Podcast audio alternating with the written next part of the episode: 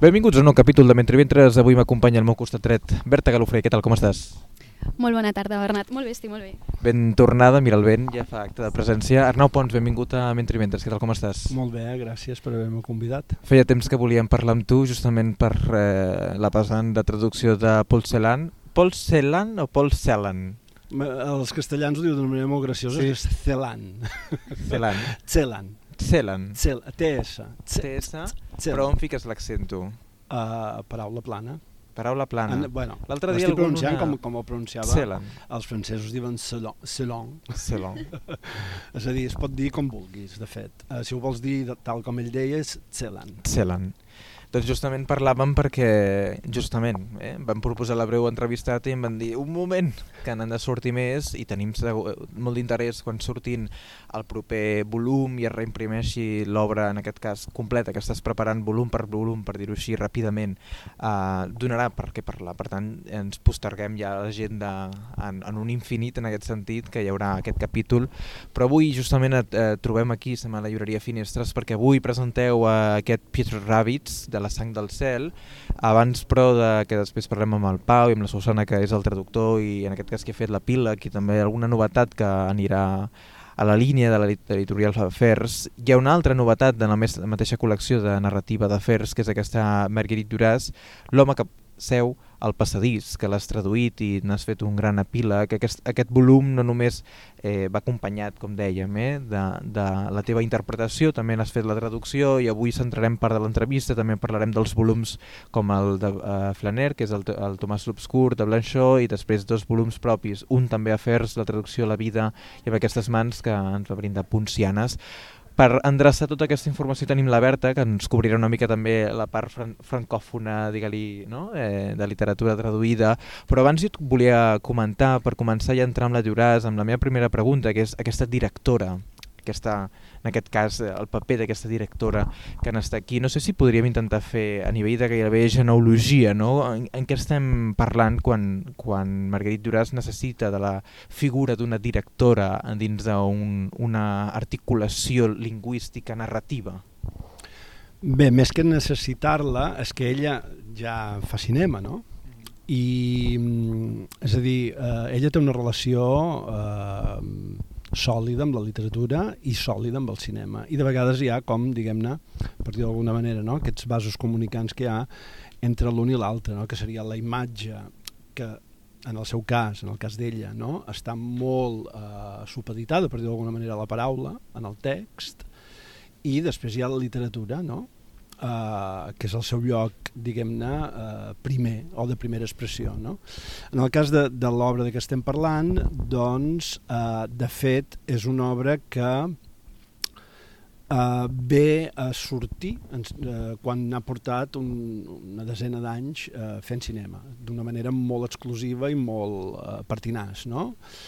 i que per ella és una experiència també d'altra banda molt enriquidora al cinema perquè és una dona que eh, necessita un, un tipus de relació amb les persones, eh, amb certes persones, eh, que sigui molt intensa. I això de vegades em fa pensar una mica en, la Marina Tsvetaeva, no? que també mm, era una d'aquestes escriptores que necessitava sempre tenir una intensitat molt alta eh, per allò que escrivia, envers allò que escrivia, que, mm, amb la persona per la qual escrivia, no? o que, la, que era el detonant d'un de, text no? en un moment donat. Aleshores, la Duras eh, amb el cinema té això, no? Uh, ho veus en determinades doncs, uh, filmacions que ella mateixa dirigeix no? i diàlegs com a, en el camió no? um, uh, la manera com en parla després no? és a dir, que ella mateixa queda fascinada no? per als diàlegs uh, que ella mateixa llegeix simplement eh? perquè de vegades és això, són textos llegits i filmats i aleshores, doncs, aquest, de, que, pres, que, que, és, que he traduït ara, no? és, en certa manera, està una mica, com dic jo a l'epíleg, no? fent un escaquimat. No? Intenta resoldre aquest, aquesta mena de, de, de contigüitat que té ella entre el cinema i la literatura, no? i amb aquest llibre, amb aquest text, que de fet és un text molt breu, el que fa una mica és, és l'escaquimat en el cinema, perquè el que ve ella a dir en certa manera, o ho ha dit d'una manera explícita, és que el cinema s'ensorra. eh, aquí, en aquesta obra. És a dir, si intentessis filmar aquest text, doncs quedaria una cosa, doncs, un fet sense autor, com diu ella mateixa, no? que seria un, un, una pel·lícula pornogràfica o gairebé pornogràfica, sense... perquè el que ve dir també ella és que eh, no es pot filmar el desig, no? només se'l pot escriure o se pot, eh, ens podem aproximar les, al, al, als estats de trasbals a, a, a què ens porta el desig a través de l'escriptura i doncs això és a dir, que aquest llibre en certa manera és eh, la frontera no? o si més no l'escaquimat que fa la literatura al cinema no? que és un, un mitjà que ell ja coneix no? i de vegades doncs, té això, no? té aquesta formulació de uh, d'aquest condicional especial amb què comença ella, no? hauria segut, no? Que en determinats llocs ha dit ella mateixa, perquè és, és, un, és una escriptora que parla molt també dels seus textos, no? en converses que han estat transcrites, no?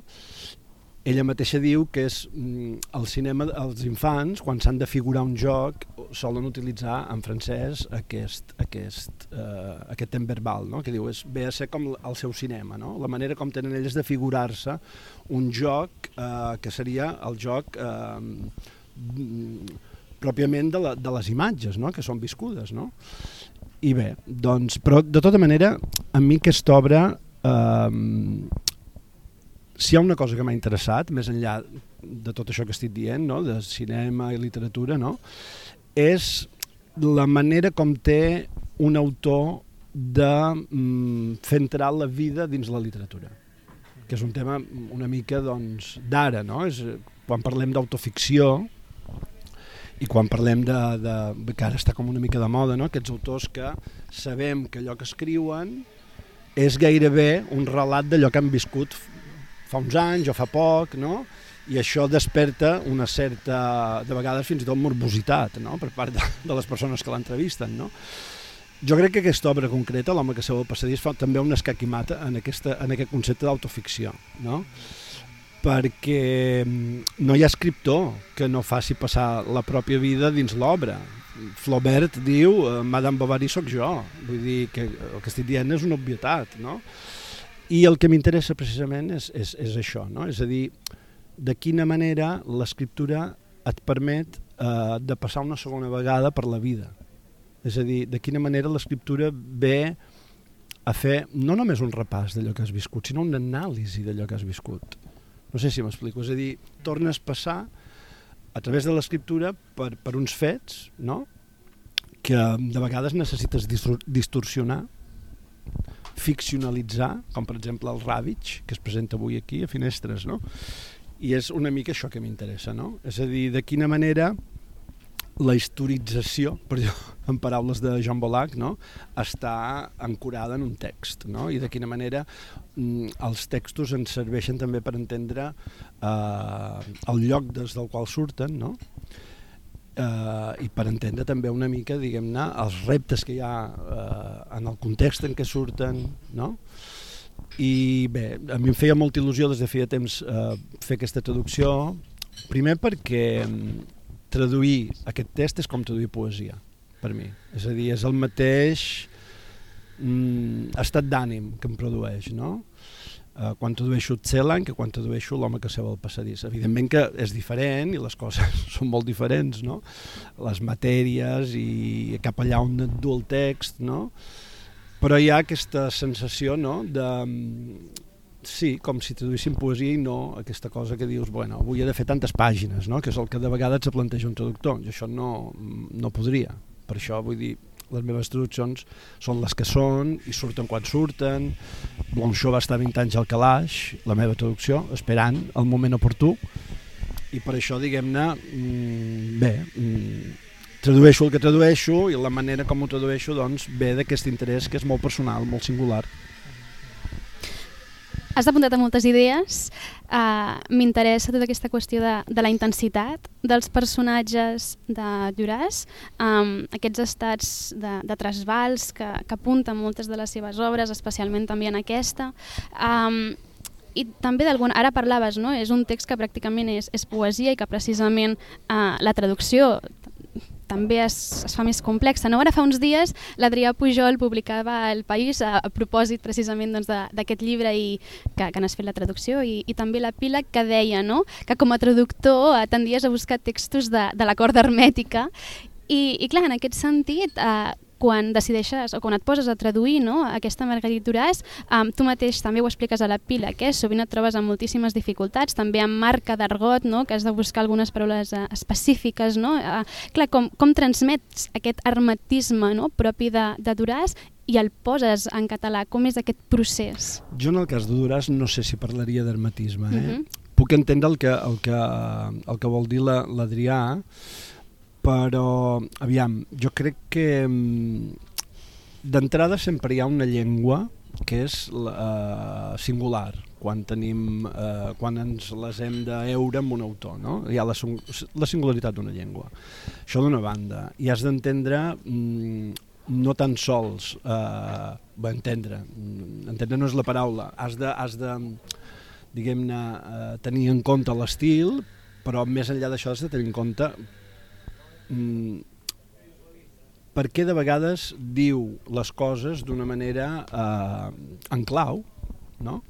més que no pas hermètica, o per què, que seria, per exemple, en el cas de Celan, ell es revoltava molt eh, contra l'etiqueta d'hermetisme perquè deia, bé, jo en certa manera sóc un poeta realista, no estic eh, la, eh, estic portant la metàfora a l'absurd, no? I, i insisteix molt en, en, en això, no? En el cas de Blanchot, per exemple, de um, Thomas l'Obscur, eh, és una obra construïda a partir de paradoxes, no sempre, però hi ha mm, passatges i pàgines en què, diguem-ne, no només les accions, sinó les frases intenten eh, seguir aquesta figura de la paradoxa. I aquí ja, ja és una qüestió també una mica, doncs, eh, no tan sols formal, eh? perquè com a traductor has de, has, de, has de mantenir la paradoxa, no? No pots fer una traducció literal, has de buscar en català com ho diries perquè, per mantenir la paradoxa, no? Aleshores, cada cas, jo diria que és un món, sí que són textos eh, segurament mm, molt al límit, no?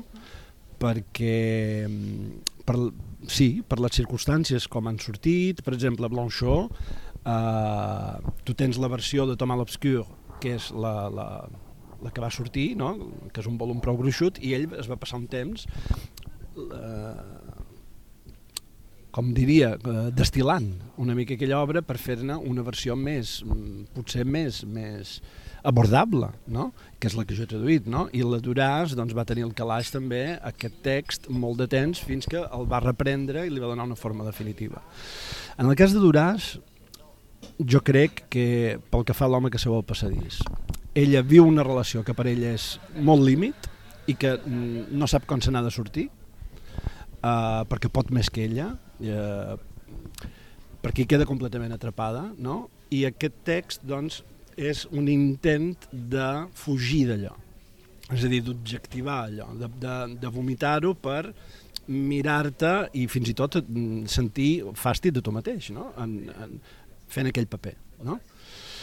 I en el cas de Blanchot eh, hi ha el seu passat, que és un passat eh, tèrbol, no? perquè ell, diguem-ne, està molt a prop d'una dreta francesa molt rància, antisemita, eh, aleshores també hi ha aquest, aquest renegar d'ell mateix, d'un cert eh, personatge que ha estat ell no? en un moment donat i no, em pot dir, no pot dir que no aleshores també és una obra que intenta fer aquesta feina de, de renegar d'un mateix no?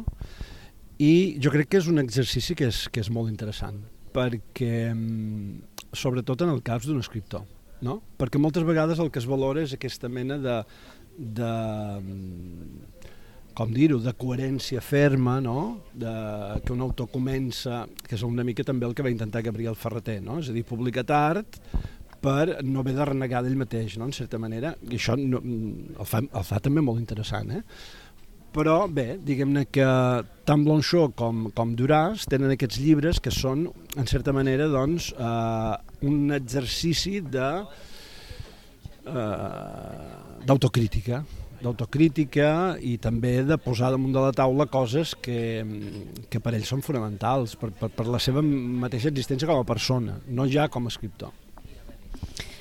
Després, eh, ara que anaves introduint eh, aquest Tomàs a l'obscur de, de Maurice Blanchot, um, aquí tot el que és l'experiència de, de la lectura no? I, i també de com el subjecte s'encara a qualsevol tipus de lectura és, és fonamental, uh, tot i que sí que és cert que hi ha aquest triangle entre literatura, amor, uh, mort, uh, que també apareix sovint en, en Duràs, uh, però especialment aquí en el cas de Blanchot. Um, clar, d'alguna manera, i és molt explícit Blanchot, eh? és a dir, hi ha un trencament del que és el cogito modern, no? ja no és el cogito ergo sum, sinó que ens dirà el contrari, no? penso llavors no existeixo, i clar, um, realment no, hi, ha, hi ha escenes espectaculars no? on la tinc apuntada però ara la, la parafrasejo, no? que trobem el Thomas no? que està davant del llibre eh, la gent passa pel seu voltant, no, no entenen res perquè està aturat davant de la mateixa pàgina, diuen si no està llegint, no? I realment després el narrador el, ens diu tot el contrari, no? Diu, no, no, és que la lectura l'ha absorbit, sí, sí, no? Sí, Llavors sí. trobem aquesta, aquest canvi de direcció, no? No és el subjecte que s'adreça al llibre, sinó que és l'objecte no? que, que se't tira uh, cap a tu i tota la transformació ontològica, si podem dir, d'aquest Thomas, on, on és un altre jo, no? que, que passa a ser un, un no jo, um, que va morint, no? D'alguna manera també és diferent, eh? però en el cas també de, de Duràs, que hi ha aquesta mena de triangle no? entre bueno, l'amant, l'amada, i després aquest tercer personatge que en l'epíleg no? ja seria com aquesta mena de desdoblament de, de la dona. No? Um, són temes totalment diferents, eh? però, però hi ha aquesta mena de, de tercer i en el cas de, bé, de, de Tomàs l'Obscur és bueno, aquesta idea de, del neutre i, i donar reformulació ontològica de, de la presència al món. A veure, són, són sí. qüestions importants i al mateix temps són complexes, eh? donen molt per parlar, no? Hi ha, efectivament, aquesta, com dius tu, de uh, parlar d'un com parlar d'un tercer, mm. d'una tercera persona, no? En tots dos, no?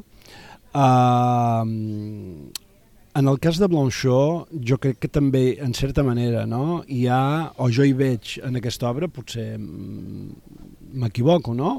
però per la fascinació que ell va sentir per Heidegger, no? en un moment donat, que també és una cosa que, que comparteixen amb Levinas, no? així com l'obra de Levinas, a partir d'un determinat moment, és un intent de desempallegar-se no? de, la, de la influència que, que exerceix eh, la diferència ontològica, bé, tot Heidegger, no? i ell necessita doncs, passar per la, substituir l'ésser per, eh, per l'altre no? I, i intenta fer una crítica a Heidegger no? que és de cada vegada és més, més ferma i és més, més meditada i més conseqüent mm, jo crec que eh, a Tomàs l'Obscur eh, ja també s'inicia una mica aquest procés de, de fugir d'aquesta fascinació heideggeriana. No? Uh -huh. uh, I això també doncs, ens remet una mica a això que deies tu, no? de gairebé, com te diria, mm, fer una mica de sarcasme, no? a part, uh, arran d'aquesta fascinació. I això també entra en aquesta mena de, de caricatura d'un mateix, que és molt interessant. És a dir, per exemple, tu pots mirar-te l'autorretrat de Van Gogh amb l'orella tallada com una cosa terrible com una, o com una cosa que fins i tot pot, pot fer riure, no? És a dir, mira, s'ha pintat amb l'orella tallada, no? D'una manera com per dignificar el gest, no? I aquí hi ha una mica això, no? Hi ha aquest autorretrat amb l'orella tallada tant en el cas de la Duràs com en el cas de Blanchot, no? I a mi és aquesta mirada que es té cap un mateix, no?, que um, jo trobo que és uh, pertinent no? i mm-hmm. trobo que és urgent de fer no? dins d'aquest món que seria el del narcisisme a l'autor. No? Que no vull dir que Duras no fos narcisa, eh? ho, era, ho era molt, eh? era una persona, i quan llegeixes una mica, diguem-ne, eh, el llibre que va sortir, eh, bé, de fet és un enregistrament transcrit, no?, del Jan Andrea, no?, eh, veus eh, una mica la dimensió del personatge, però, però bé, és a dir, el narcisisme no els impedeix de fer una mirada cap a un mateix que és crua, com la d'aquest llibre, per exemple, no?, de, de l'home que seu al passadís, no?, perquè és a veure, és un suïcidi pel, a través del, del feminicidi, no? I és com ell es veu, en certa manera, no? És a dir, uh, i com es veu atrapada per un desig del qual no pot fugir. Ella mm, embogeix, en certa manera, uh, a través d'aquest desig, no? per un home que eh, no pot deixar d'estimar i al mateix temps no li deixa de fer mal perquè se'n va amb altres dones constantment, perquè tot el temps diu mentides, i aquestes mentides i aquest engany encara la fa delirar més, no?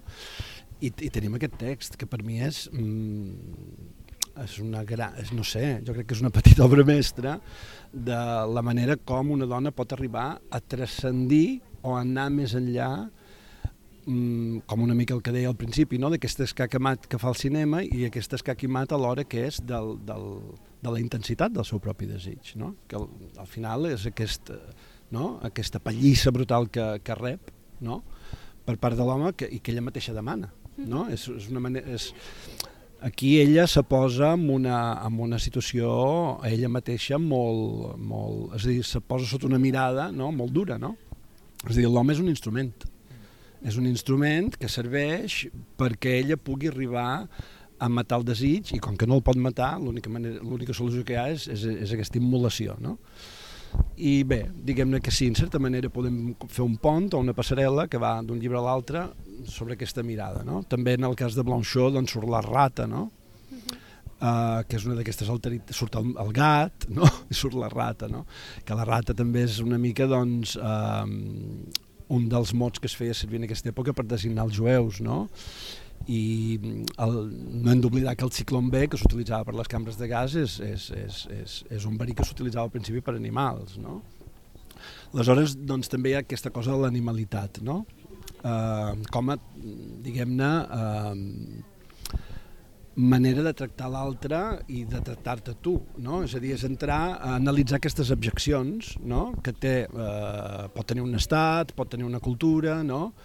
I eh, com el que fa Tselan, no? que interroga eh, aquesta mena de lirisme eh, que hi ha al voltant de, de, de l'eufemisme dels nazis per parlar del crim. No? que recorren doncs, a Wagner, a l'hort dels Nibelungs, no?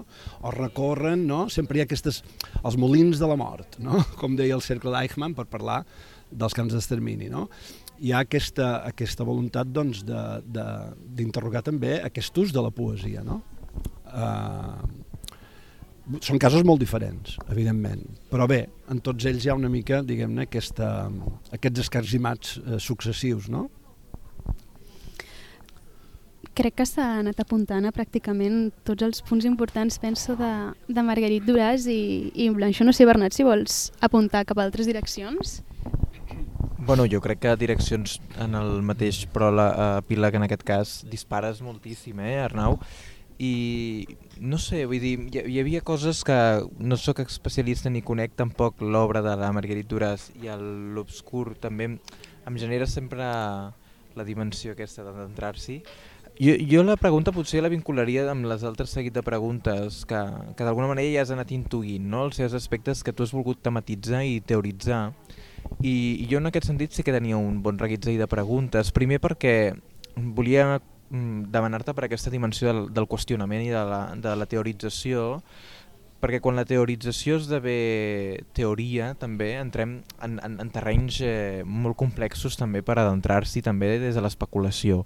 I doncs aquí sí que m'agradaria preguntar-te, perquè és una pregunta més ja més senzilla, que és eh, eh, com arribes també a la, a la construcció i a la constatació de que això s'ha de publicar en format llibre, perquè no tenen gairebé ni un any de diferència la publicació d'afers o amb aquestes mans, i un cop dins eh, volatilitzes absolutament qualsevol concepció de llibre en si mateixa perquè hi ha escrits d'una densitat absoluta, hi ha escrits que venen de textos del 2008, d'aquest text justament tan, tan important, Carrers de Frontera, que ho fem la Setmana Scravage l'any 2008. Vull dir, realment la construcció d'Arnau Pons a dir això és llibre, també d'on neix? I, I en quin sentit aquí, on, on, on treballes tu també? A veure, primer de tot vull respondre a la qüestió aquesta que deies de la teorització, que jo crec que és important, eh, si més no, que jo pugui deixar clar tal com veig les coses. Eh? És a dir, per mi la teoria és la pràctica. És a dir... Eh, és Adorno? O és no, això és Mechonic. Potser Adorno... Adorno eh, ve també. a dir això, no? que una gran la teoria, teoria la... ens porta a una pràctica. No, uh, jo crec que um, la, la, la pràctica, és a dir, quan, quan, es, quan tradueixo l'home que seu al passadís i al mateix temps m'estic endinsant en els perquès, per què ha escrit aquest text, per què ha volgut ella mm, rebre una reprovació de, de, de les feministes, no? És a dir, a mi aquest text em, em, em, a veure, en tant que, en tant que home, no? en tant que mascle, per dir d'alguna manera, no? Uh, em sacseja, em fa, em fa pensar per què una dona ha hagut de fer això. Aleshores, hi ha un treball no? de per quès. Uh -huh. I en aquests treballs de per quès vas veient com de cada vegada l'obra eh, agafa coherència. I és aquí on, on ens trobem, per mi, que és el, el que per mi fa interessant la cosa, no? Uh, amb la literatura, tal com jo l'entenc, no? que, que és quan uh, allò s'aguanta, de debò no? i pots sacsejar-ho que allò s'aguanta. No? No, no, no es pot dir de tots els llibres això, que després de sacsejar i sacsejar allò s'aguanti. Aleshores, bé, per què ho dic això? Perquè en el cas de Duràs he fet una traducció assaig. Són les dues coses que van juntes. És a dir, jo no hauria tret mai la, aquest, eh, les 37 pàgines de la Duràs no les hauria tret mai i és una cosa doncs, que l'editor va entendre de seguida i va dir, això no ho puc treure si no, si no va acompanyant d'un assaig, no pas per justificar-ho, perquè no diguin, mira, ara la Nou Pons s'ha tornat boig i està, està doncs, jo què sé, trempant amb el, amb el feminicidi, no, vull dir, en absolut. Uh, crec que això ja, de tota manera, estic fent una mica de, de broma, no? Però vaja, mm, no, no, si li poso aquesta cuirassa, no és per fer teoria, és precisament perquè jo també crec que hi ha una cosa que està una mica en risc, que és la lectura. En risc o potser que està en biflació. Vull dir, crec que la lectura és eh, l'art de llegir és una cosa doncs, que, que s'ha de practicar eh, de cada vegada d'una manera més desacomplexada i s'ha de problematitzar. I això, amb, amb el que estic dient, és que no, que no, no pretén de cap de les maneres fer teoria, sinó que tota acció de lectura que, que jo doncs, eh, poso damunt del paper eh, precisament fuig d'això. És a dir, si t'hi fixes, amb aquestes mans eh, és un llibre doncs, que contesta unes pràctiques de lectura que estan molt institucionalitzades. O si més no ho pretenc. És a dir, el llibre pretén eh, posar en entredit com les institucions de lectura que hi ha avui, que poden ser doncs, des de clubs de lectura, que segurament són molt simpàtics, o, o jo mateix m'hi dedico, no? però sobretot diguem-ne a la universitat, no? és a dir, mm. problematitzar una mica aquests patrons, no? aquests patrons mm. que se van repetint i, i que el que fan és que l'estudiant o estudianta el que fa és aprendre la graella, o, o aprendre com ha de fer servir una graella, en comptes de veure que la graella no el portarà en lloc, el portarà a crucificar aquell text. No? Això per aclarir aquesta qüestió de la teorització. És a dir, mm, estic lluny de tota voluntat de, de fer una escola, de teoritzar...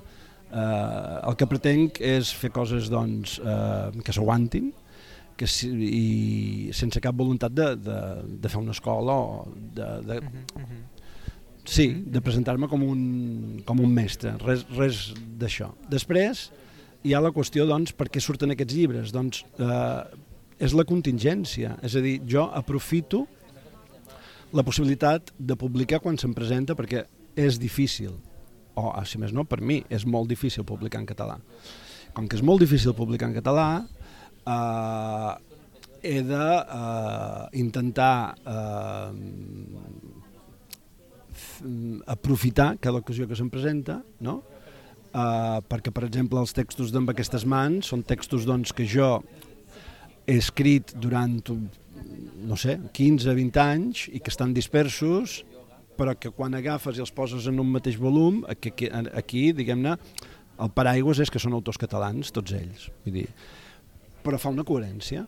És a dir, veus que hi ha una manera de, de llegir els textos que, si més no, mm, no és contradictòria, uh -huh, uh -huh. que segueix un, uns certs qüestionaments, una, una manera d'ensenyar uh -huh. les coses, per exemple, al principi, que tu deies els textos de carrers de frontera, doncs bé, és una, manera, és una mirada panoràmica cap a la literatura catalana que difícilment trobarem doncs, eh, en els llibres que els professors d'universitat, que de vegades també són escriptors o de vegades també són assagistes, fan de la nostra cultura. No? És a dir, intento posar el, eh, Sí, intento filmar la cosa des d'un angle que, que no se sol uh mhm. -huh. tenir en compte, no? Uh mhm. -huh. I al mateix temps intento, bueno, intento, això ja, ja és un defecte de fàbrica, per dir d'alguna manera, la meva experiència mm, de formació ha estat un... un jo m'he format a fora, no m'he format a la universitat, he defugit sempre a la universitat, amb això no estic dient que la universitat sigui un lloc dolent, eh? estic dient que no és un lloc per mi, hi ha mm. gent que se pot sentir realitzada i em sembla superbé, i la, hi ha coses que surten de la universitat que jo mateix doncs, eh, llegeixo i, amb, amb interès, no? Però bé, diguem-ne que és un, un recorregut eh, fet una mica doncs, a, a compte corrent i en certa manera aquest, eh, aquesta perifèria per la qual he hagut d'anar i aquest, eh, aquest camí una mica mm, singular que he hagut de fer, eh, jo crec que, bé, en certa manera, doncs, enriqueix també la manera com jo tenc d'abordar les obres, no? És a dir, mm, no sé, jo quan vaig veure amb aquestes mans publicat, a part d'estar molt content, perquè ho veia com un somni de vegades irrealitzable, no? perquè va, va trigar molt a sortir aquest llibre, i no, no per culpa de, dels editors, també hi havia la pandèmia, etc. no? Però mm, des de fa temps que tenia ganes de treure els meus textos del calaix, que encara en tinc, eh, i que trauria mm, si demà un editor me diu vinga, doncs anem a treure tot el que has escrit sobre Celan, jo li faré una abraçada per, per, de seguida, no? I és una mica això, no? És a dir, surten en funció de la contingència. Per exemple, la traducció de la vida, doncs vaig voler recollir tot el que havia escrit sobre la traducció i mm -hmm. un cop ho tenim al davant, doncs veus que que hi ha una, mm, un aire com de família entre els textos, no? unes preocupacions que no han deixat de ser les mateixes. No?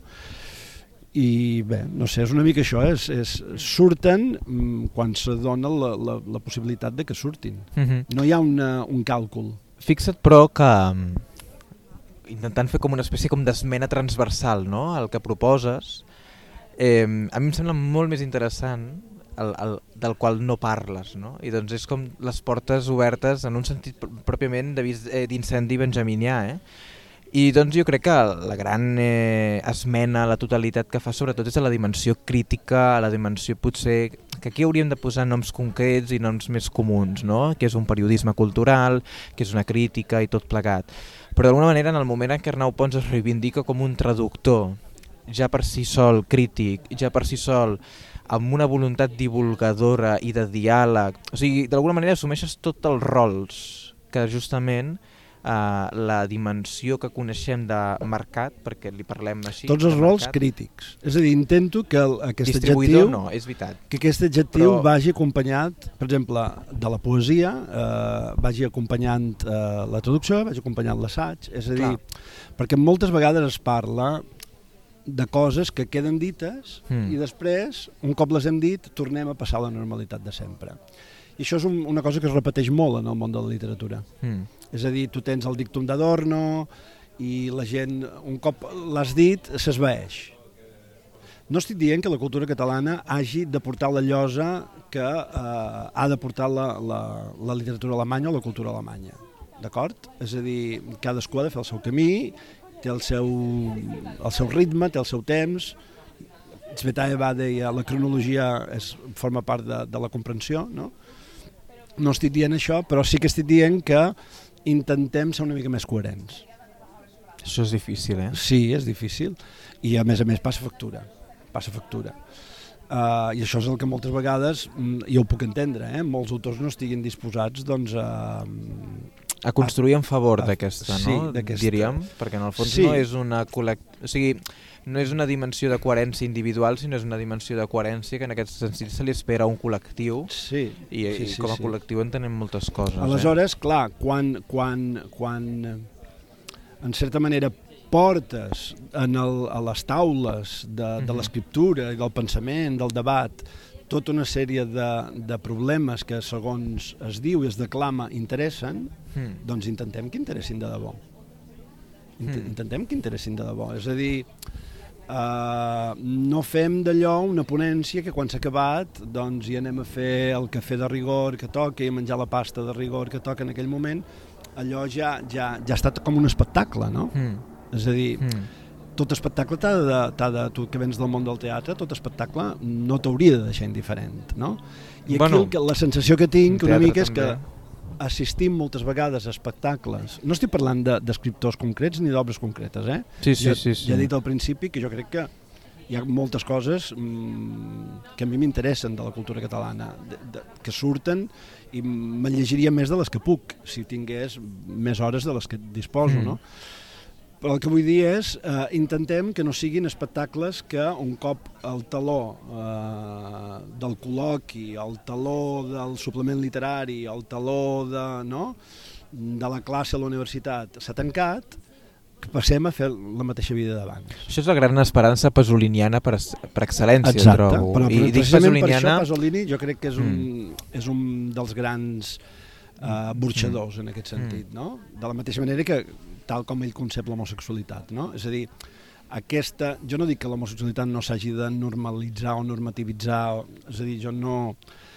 El que a mi em, em sap greu és que eh, la força subversiva de l'homosexualitat i tot el, diguem-ne, el suplici pel qual ha hagut de passar a través dels segles, no, l'homosexualitat, eh, després quedi amb una, amb una, amb una banalització d'un matrimoni, de, no? És a dir, no sé, és a dir, que no es perdi allò, no? I amb Mm. la literatura tenim el mateix, és a dir, mm, que no es perdi aquesta llavor mm, subversiva de la poesia, no? i no ens porti a això, no? a assistir a espectacles que no realment ens trasbalsen només els moments en què els veiem, però després passem a fer una vida... Eh, Jo, jo et volia demanar justament en aquesta línia, perquè en aquesta línia, bé, anava a dir històricament, però t'has trobat amb que has inaugurat col·leccions, has inaugurat eh, pactes, direm, de conveniències editorials, i això trenca una mica amb la dinàmica eh, possible de crear un món coherent. I tu te n'has trobat com a primer protagonista i dic que faig eh, referència sobretot a la, la, per exemple, a la col·lecció que vas iniciar una traus. Montaner Mm. de gran interès amb el Mm. volum que començava. Sí, però allò, per exemple, Mm. quan jo feia traus, que una de les meves prioritats era eh, ja que, diguem-ne, podia dirigir amb una certa llibertat una col·lecció de pensament crític, Mm. doncs donar un espai a la dona. Mm. hi ha autores, hi ha traductores. Això era un dels meus, diguem-ne, mm, eh, de, les meves preocupacions més importants, no? que allò no quedés sempre entre testicles, no? perquè a part de que és avorrit, eh, vull dir, la dona necessita que eh, tot allò que ha dit i tot allò que ha fet i tot allò que ha escrit doncs, passi eh, a un primer pla. Mm -hmm. Mm -hmm. Uh, i encara n'hauria fet més de les que podia si la, si la col·lecció no s'hagués estroncat, no? Però clar, al mateix temps, quan la feia, me n'adonava que, uh, tot i ser una, una cultura doncs, uh, minoritzada, amb, amb problemes amb el català eh, diaris, no? amb un estat que et va en contra, eh, amb una desestructuració brutal entre les illes, el Principat, el Catalunya Nord, el País Valencià, també que és brutal, no? eh, m'adonava que en comptes de, de, de que allò es rebria mm, amb una certa felicitat, no? de dir, ostres, mira, ara... Per... No? Era com si fessis nosa, de vegades. És a dir, costava moltíssim que te traguessin una ressenya, costava moltíssim... És a dir, que la cosa... És a dir, te trobaves amb molts pals a les rodes. Uh, això va ser la meva experiència, eh? Mm -hmm. I, eh, bé, clar, també s'ha de dir que jo no... Aviam, eh, allò ho construïem amb el Leonard des d'una editorial que aleshores no tenia eh, la projecció que té avui. És a dir, tot just començàvem a fer un salt al Principal Mm -hmm. I, eh, clar, vull dir, tot costa. No, no, no és que t'hagis de trobar sempre no? amb flors i violes i amb una catifa vermella. Però les dificultats eren sorprenentment més de les que podies esperar quan surt una col·lecció de, de pensament crític no? en Mhm. català. I després, bé, jo tampoc no, no, no sé, no sóc d'una família que conti en el Principat, això és molt important, el món de la cultura, això ja ho deia Pierre Bourdieu, no? És a dir, els normalians engendren normalians, no? I jo no tinc doncs, eh, al darrere doncs, una, una nissaga que, amb un cognom, ni, ni no, no, no em posaran a l'abast meu tota una sèrie de diners privats o públics perquè obri una editorial, no tindré els mitjans l'endemà mateix quan obri una col·lecció de que me vindran tots eh, a interessar-se pel que publico. Això forma part de, de, de la cultura que tenim, que per una banda doncs, té aquestes, aquests patis per protegir-se, en certa mm. manera, no? d'aquestes inclemències d'un estat que li va en contra, però que al mateix temps eh, aquests patis doncs, generen unes, unes dinàmiques que són molt en, endogàmiques. Mm -hmm. I si no ets eh, d'una universitat, és a dir, això també ho podem posar l'exemple quan vaig començar a fer conèixer Bolac en l'àmbit hispà, perquè no només és un problema català, no només és un problema català, és un problema ibèric és a dir, si no estàs en una universitat, si no, no, és a dir, si al darrere, a part de no tenir els cognoms, no, no tens eh, una càtedra, doncs clar, fer conèixer Bolac va ser una cosa mm, també eh, titànica, titànica, que mm, també la qualitat de l'obra ajuda, no? I després també tens Amèrica, eh, com va ser el cas del Bolac, no? que de seguida doncs, Argentina, Mèxic, hi ha hagut, eh, Xile, hi va haver tota una sèrie de països doncs, molt interessats eh, a entendre els reptes que implicava doncs, l'art de llegir de Bolac. No? Però també em trobava amb el mateix problema, no? és a dir, no era cap professor, jo, Aleshores, mmm, ara què fa de nou doncs en Bolac, saps? I a més a més Bolac que contesta l'obra de Gadamer, no? que era mm, gairebé de missa, quotidiana a les universitats. No? Fins que després de volar doncs, comencen a, a venir doncs, les vacil·lacions i mm, tota una sèrie de, de textos que suposa que, que, que s'ho miren d'una manera més crítica. No? Aleshores, bé, en certa manera també eh, hi ha hagut un atreviment per part meva, una hibris, com diuen, una chutzpah, com es pot dir en hebreu, no? eh, que seria com una gosadia que forma part del meu tarannà, no?